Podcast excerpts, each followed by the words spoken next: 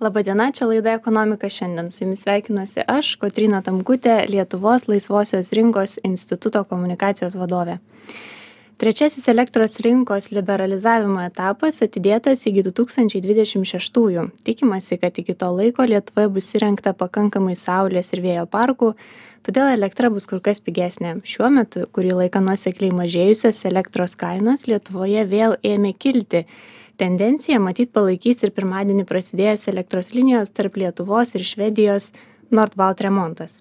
Apie visa tai ir šiek tiek daugiau šiandien kalbuosi su vilniaus universiteto tarptautinių santykių ir politikos mokslų instituto dėstytoju profesorium tomu janeliūnu. Sveiki. Laba diena tai nuo to e, elektros e, ir energetinių išteklių kainų gal ir pradėkime.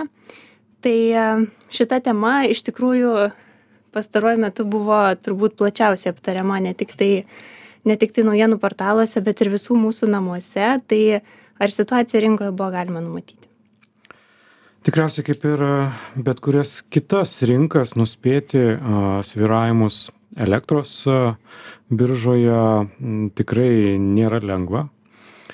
Jeigu kažkas labai tiksliai žinotų kaip keistųsi dujų naftos elektros kainos tai turbūt daugiau nieko ir nebereikėtų daryti galėtų iš to labai puikiai pragyventi. Bet nejuokaujant iš tikrųjų jau pernai metais mes matėme nemažai ženklų kurie rodė kad artimiausiu metu būtent dėl politinių ar geopolitinių veiksmų energetikos išteklių kainos tikrai gali labai smarkiai šokinėti. Ir čia rusijos veiksmai spaudimas didinant tą bendrą spaudimą energetikos rinkoms visų pirma pradedant nuo dujų rinkų jos vėliau persidavė ir elektros kainoms. Tai visi tie veiksmai jau buvo pastebimi pernai metais. Aišku tuo metu mažai kas tikėjo jog gali prasidėti tokio masto karas kaip dabar mes matome ukrainoje bet pats faktas jog sąjunga labai didele dalimi buvo priklausoma nuo rusijos leido įtarti kad tikrai mes galime susidurti su problemomis. Ir šiais metais mes susidūrėme su tomis problemomis na labai radikaliu būdu nes be abejo tai kas vyksta apskritai pasaulyje turbūt irgi na sunkiai galėtume rasti precedentą. Ir atitinkamai santykiai tarp energijos išteklių vartotojų šia prasme jau valstybių lygiu žiūrint ir tiekėjų tie santykiai iš tikrųjų kelia didžiausias įtampas kurie kurios galiausiai persiduoda ir buitinių vartotojų sąskaitoms. Tai apibendrinant nuspėti visiškai turbūt buvo neįmanoma bet matyti kokios yra problemos kurios gali sukelti tokius kainų šuolius apie tas problemas iš tikrųjų buvo kalbama. Tiesiog buvo per mažai daroma buvo lūkuriuojama ir tikimasi geriausių variantų kurie nepasitvirtino. Tai elektros rinka turbūt kaip ir kaip ir visos rinkos yra veikiamos įvairiausių E, įvairiausių aspektų ir įvairiausių veikėjų, bet vis dėlto, kuo elektros rinka yra kitokia, kuo jinai yra ypatinga e, šio, šią prasme? Elektra kaip prekė iš tikrųjų yra specifinė. Jos negalima daugeliu atveju kažkur sandėliuoti, kai kuriais atvejais jos negalima labai staigiai gauti arba labai staigiai atsisakyti. Tai yra, na, tiesiog fizinis elektronų srautas, kuris sukuria tą pačią elektrą ir atitinkamai labai daug priklauso nuo infrastruktūros. Tai yra gaminančios, tinklų infrastruktūros, ir pačių vartotojų kurie turi kažkokius nuolatinius poreikius. Visi tie fizikiniai dėsniai ir mechanika pavadinkime taip tikrai daro nemažą įtaką kaip yra prekiaujama elektros biržose. Skirtingai nuo kitų tokių apčiuopiamų prekių tu negali bet kada sustabdyti jos srauto tam reikia dažniausiai pasiruošti kai kurios elektrinės pavyzdžiui kaip atominės elektrinės apskritai labai sunkiai yra stabdomos arba paleidžiamos iš naujo Kitos nėra prognozuojamos, pavyzdžiui, vėjo parkai gali staiga imti ir nuščiūti tiesiog dingus vėjui gali ne, nebegeneruoti tos elektros. Tai atitinkamai planavimas elektros sektoriuje yra ypatingai svarbus ir sudėtingas uždavinys. Todėl elektros biržose kartais susidaro tokių keistų situacijų, kada paklausa ir pasiūla išsiskiria tarpas tarp šitų dviejų dalykų tampa labai didelis ir tokiu būdu atitinkamai kainos labai smarkiai šoka į viršų.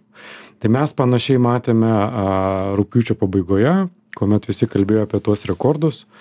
Nord Pool biržoje, kuriuos sukėlė kaip tik va tas išsiskirimas, jog vienu momentu tiesiog nebuvo pakankamos pasiūlos už tinkamą kainą ir atitinkamai tiesiog nebuvo galima na suderinti pasiūlos ir paklausos a poreikių.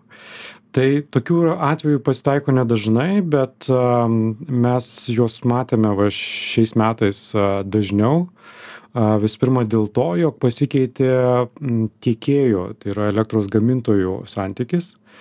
Rusijos baltarusijos gamintojai tiesiog jau nebegalėjo veikti mūsų rinkose. Jie buvo na iš vienos pusės uždrausti kita vertus patys jau nebegalėjo dalyvauti.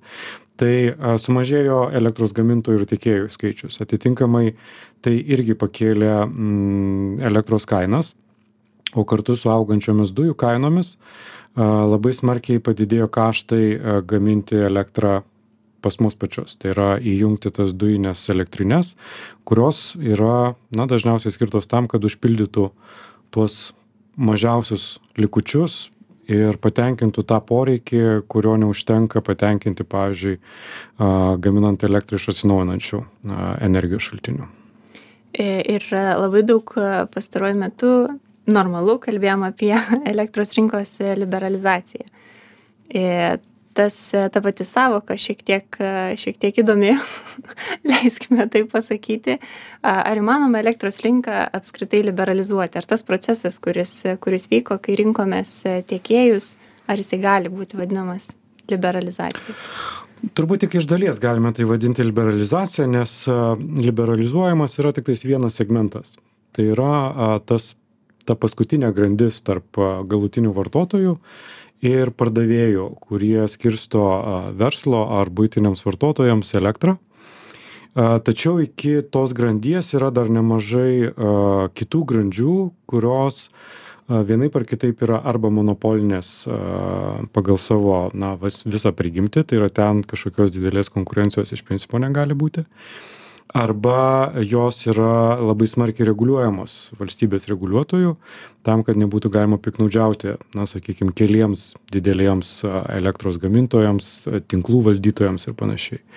Tai a todėl visiškai liberalizuoti elektros rinkų visose grandyse man turbūt apskritai neįmanoma nes galiausiai susiduriame su tokia situacija kad mes turime tarkim vieną elektros tinklų skirstytoją vieną elektros tinklų perdavėją ir šioje šiame segmente na įvesti kažkokių papildomų konkurencijos elementų iš esmės neįmanoma. Todėl tą veiklą vienaip ar kitaip reguliuos na mūsų atveju valstybinė energetikos reguliavimo taryba ir kainas nustatys už tas paslaugas perduodant elektrą palaikant tinklų funkcionavimą užtikrinant tinkamą dažnį. Tas paslaugas iš tikrųjų reguliuos jau valstybės reguliatoriai. Ir čia rinka matyt nebus liberalizuota niekaip ir niekada. Na nebent apskritai labai iš esmės keisis visa infrastruktūra. Bet šiuo momentu tai mes kalbame tiktais apie tą paskutinį segmentą. Tai yra santykį tarp elektros pardavėjų ir elektros galutinių vartotojų. Trečiasis e, tas etapas elektros rinkos liberalizavimo atidėtas iki dvidešim šeštų metų. Kaip jūs manot kokių dalykų reikėtų nedaryti arba padaryti iki tų dvidešim šeštų metų kad e, kad tas procesas vyktų sklandžiau? Ir kita vertus kiek e, tos liberalizavimo procesas tapo nežinau situacijos įkaitu kai kilo kainos ar ne ir galbūt jeigu nebūtų buvę tų procesų e, politinėje, geopolitinėje erdvėje gal būtų viskas šiek tiek paprasčiau buvę. Pirmasis liberalizavimo etapas praėjo ganėtinai sklandžiai. Iš tikrųjų nebuvo jokių didelių skandalų. Didžioji dalis, virš 90 procentų tų pirmojo etapo vartotojų pasirinko tiekėjus. Kainos tuo metu nebuvo kažkokios labai didelės ir pasirinkimas tarp skirtingų nepriklausomų elektros tiekėjų buvo na, toks iš esmės be maž skonio reikalas, o ne, o ne kažkoks racionalus kainų skaičiavimas ir pagrindinė bėda ir tragedija įvyko jau to antrojo etapo metu. Čia turbūt didžiausia bėda buvo visų pirma politikų pasimetimas, kada iš pradžių buvo nukeltas antrojo etapo terminas, tada suprasta, kad tas nukelimas tik dar labiau pablogino situaciją, nes kainos per tą laiką tik dar labiau išaugo antro atidėjimo jau buvo nuspręsta nebedaryti. Informacijos labai trūko iki pat paskutinių savaičių, kada jau baigėsi tas terminas galutinai priimti sprendimus antrojo etapo dalyviams.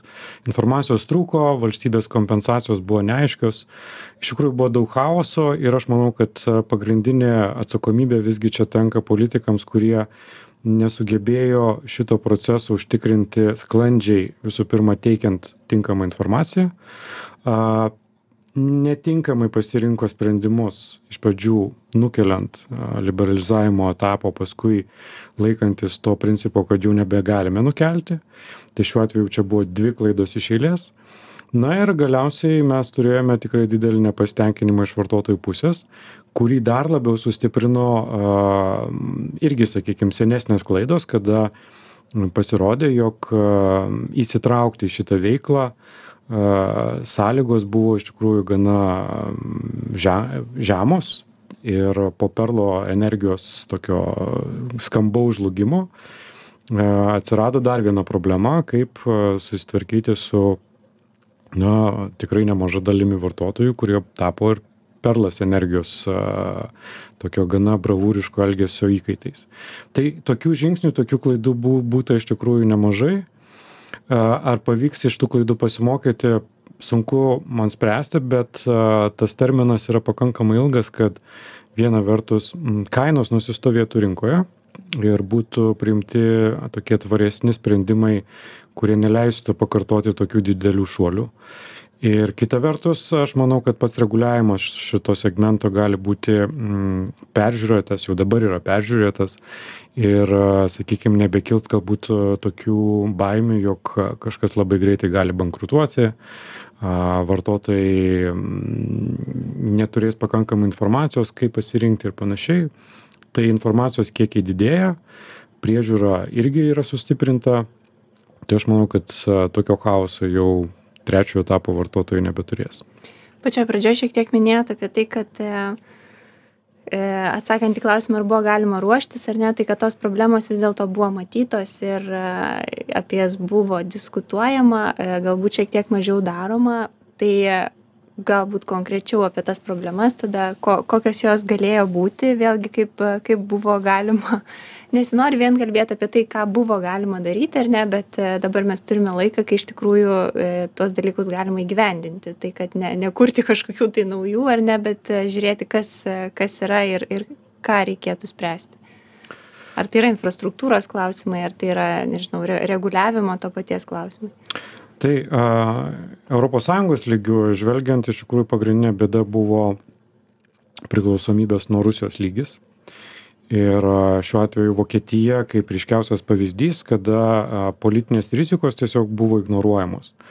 Ir ta didžiulė priklausomybė nuo importuojamų rusiškų dujų tikrai padarė įkaitę beveik visą europos sąjungą. Nes vokietija visgi yra didžiausia europos sąjungos ekonomika ir nuo jos poveikio bangos sklinda bemaž iki kiekvieną europos sąjungos šalį. Lietuvos lygiu pagrindinė bėda buvo ignoruojamas mūsų elektros generacijos lygis. Ypatingai mažos galimybės pasigaminti elektrą mūsų pačių viduje. 21 metais berots elektros importas siekia netgi 86 procentus Lietuvos elektros poreikio.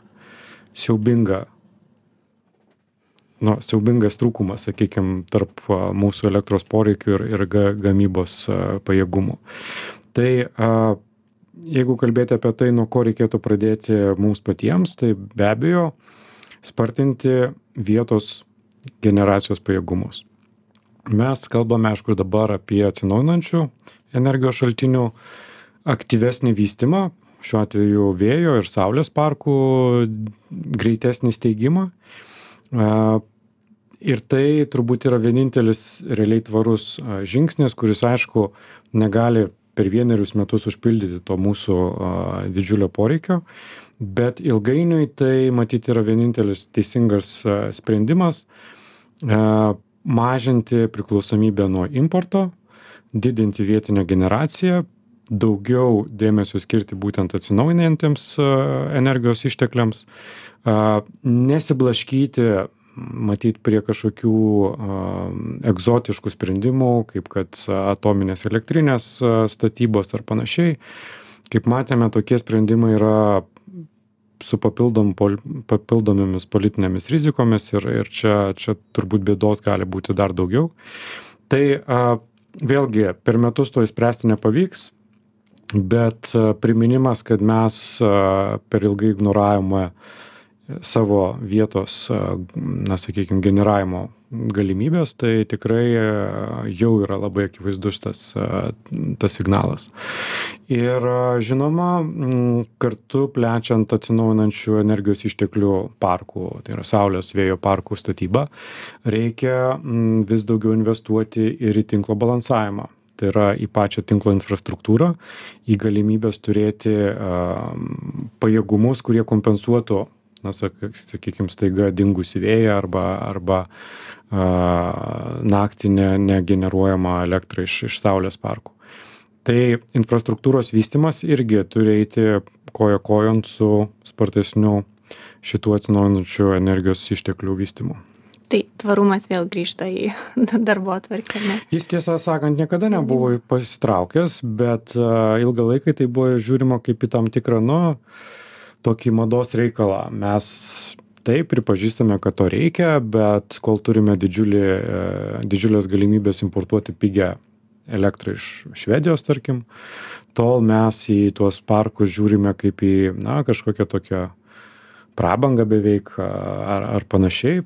Tačiau pastaraisiais metais labai atpigo ir apskritai na sakykim technologijos kurios leidžia efektyviau pastatyti tas pačias saulės saulės kolektorius ar ar ar ar vėjo elektrines Ir e, pramoninkai ar ne įmonė sako, kad iš tikrųjų yra būdas ir saugoti ekonomikos konkurencingumą, e, kiek, kiek įmanomai tai investuojant. E, ir vis dėlto ar ta žalioji kryptis atsinaujinantys energetikos ištekliai yra realu iš tos reguliavimo pusės nes vis tiek girdim tikrai nemažai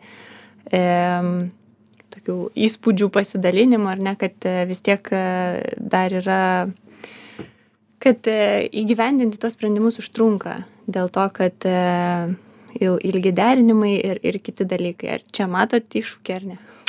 biurokratijos tikrai turėtų būti mažiau ir jeigu ta sistema būtų paprastesnė suteikiant leidimus įjungiant į tinklą leidžiant gaminti elektrą na pavadinkim taip beveik visiems kas nori investuoti į tai ir kartu užtikrinant kad pats na sakykim tinklas išlaikys kai kurias perkrovas tam tikrais laikotarpiais ir panašiai tai visa tai iš tikrųjų mums padėtų žymiai sparčiau judėti tos tvarios žalios ekonomikos link. Dabar aš manyčiau vienas iš didžiausių stabdžių yra tai kad tikrai ne visur galima pajungti saulės ar vėjo parkus be didelių investicijų į tinklų infrastruktūrą. Ne visur galima na sakykim suteikti tuos leidimus nes tie pirmiau užsirezervuojantis savo galias gali tikrai paskui kliudyti galbūt na gaminantiems vartotojams kurie būtų realūs vartotojai ne ne kažkokie tiktais na mm, elektros gamintojai siekiantys pasipelnyti iš aukštesnių kainų bet tikrai realūs vartotojai kurie tikrai tą elektrą čia pas mus ir vartos. Tai suderinti ir subalansuoti tuos poreikius ir investuoti ir kartu užtikrinti stabilų tinklą na yra reikalų. Tai e, aš įsivaizduoju kad tos biurokratinės pinklės ne dėl piktos valios atsiranda bet kad galima išmaniau jas spręsti ir ir užtikrinti didesnį na tokį patrauklumą investicijoms į šitą sektorių tai vėlgi esu tikras kad tai galima rasti tuos sprendimus. Am kol kas yra nemažai įvairaus nepasitenkinimo kad yra stabdoma yra nauji kažkokie kriterijai įvedami tiems būsimiems investuotojams ir kiti dalykai kurie na atrodytų priklausomai vos ne tiktais nuo politinės valios. Bet kita vertus tai irgi yra tam tikro atsilikimo planuojant projektuojant ir investuojant į ne tik tą tiesiogiai gaminančią infrastruktūrą bet ir palaikančią visą elektros sektorių infrastruktūrą. Paskutinis klausimas bet labai norėjau paklausti kiek kiek klysiu teigdama čia turbūt buvo viena pirmųjų pamokų kurias išmokom tarptautinių santykių ir politikos mokslų institute apie tai kad energetikos politika yra vis dėlto ta tikroji geo geopolitika kad jinai iš tikrųjų labai daug daro įtakos e, politikai tiek tarptautiniu tiek e, nacionaliniu mastu tai kiek daro tos įtakos ir kokius iššūkius mes dabar tada sprendžiame e, būdami tame kontekste, kuriame esame? Ilgą laiką viena iš didžiausių problemų energetikos pasaulyje buvo tai, kad Iškastinis kūras, nafta, dujos yra labai nevienodai pasiskirščiusios pasaulyje. Ir dėl to susiformuoja priklausomybės saitai tarp tų šalių, kurios išgauna naftą ir dujas, ir tos, kurios vartoja. Tai dėl to politika iš tikrųjų labai smarkiai priklausydavo nuo tokių kartais nelogiškų sprendimų, kuriuos primesdavo va tos ypač naftą eksportuojančios šalis. Ir didžiosios krizės kildavo kaip tik dėl to, jog tarkim opek ar opek plius šalys sugalvodavo kad reikia pasinaudoti tomis priklausomybėmis. Bet kuo toliau tuo mažiau šitas dalykas veikia pasaulinę politiką nes viena vertus iš tikrųjų ypač vakarų pasaulis vis tvirčiau pereina prie atsinaujinančios energetikos ir mažina priklausomybę nuo tų dažnai autoritarinių šalių kurios eksportuoja dujas ir naftą ir tokiu būdu mm, mažėja priklausomybės saitai išsilygina energijos gamintojų ir vartotojų santykis. Ir galiausiai aš manau kad iškastinis kuras anksčiau ar vėliau apskritai nebedarys poveikio politiniams sprendimams gal netgi priešingai. Tos šalys kurios per ilgai bus priklausomos nuo jo taps žymiai labiau pažeidžiamos negu tos kurios pereis prie tvaresnių sprendimų vietoje gamins žymiai daugiau energijos negu sakykim importuos. Ir tada energetika liks tokiu labai vietiniu reikalu. Vos ne savivaldos lygmens reikalu o ne geopolitiniu klausimu. E, Negalima bus tada timčioti už dujotekio arba laidų. Žymiai mažiau bus galima, aš manau, kad aš anksčiau ir vėliau iš tikrųjų tie timčiojimai e, nebebus tokie stipriai jaučiami supratau. Ačiū už įžvalgas apie elektros rinką ir energetikos išteklius. Kalbėjausi šiandien su vilniaus universiteto tarptautinių santykių ir politikos mokslų instituto dėstytoju profesoriumi tomu janeliūnu. O klausytojus kviečiu likti kartu. Netrukus rubrika stebime valdžią. Sveiki sugrįžę, čia rubrika Stebime valdžią, kurioje apžvelgsiu svarbiausius ir aktualiausius valdžios pasiūlymus bei sprendimus šį ketvirtadienį lapkričio dešimtą dieną seime vyks pirmasis du tūkstančiai dvidešim trečių metų valstybės biudžeto svarstymas.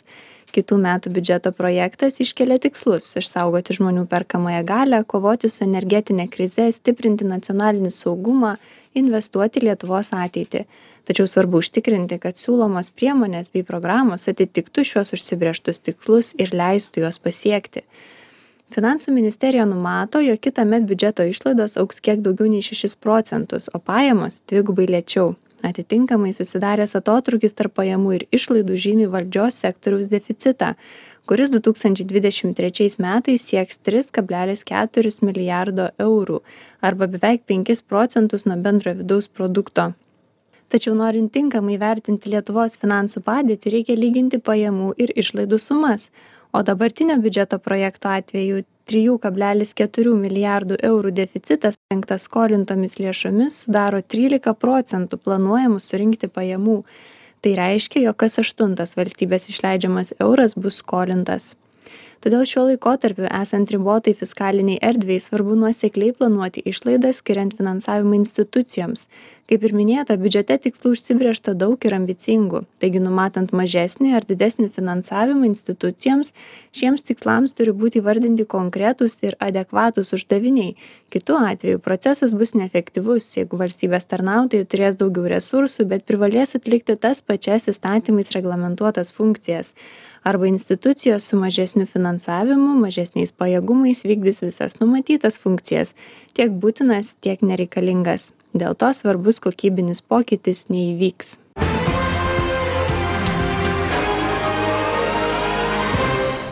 Seime svarstomos fiskalinės sutarties įgyvendinimo konstitucinio įstatymo pataisos, kuriomis siūloma plėsti savivaldos skolinimosi galimybės dar pavasarį finansų ministerijai paskelbiant apie pakeitimus kartu buvo pristatytas siūlymas įvesti visuotinį nekilnojamo turto mokestį. Tačiau šios iniciatyvos vyriausybės seimui pateiktame projekte nebeliko.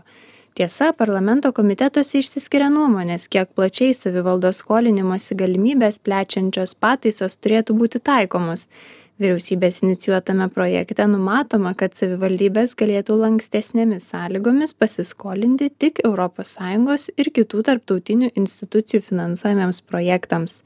Tuo metu lietuvos savivaldybių asociacija inicijavo pasiūlymą leisti lanksčiau skolintis ne tik tarptautinių institucijų finansuojamiems bet ir savarankiškiems bei atsiperkantiems projektams. Pastarąjį siūlymą palaikė audito komitetas tačiau biudžeto ir finansų komitetas turėjo priešingą nuomonę ir palaikė vyriausybės siūlomą nuostatą.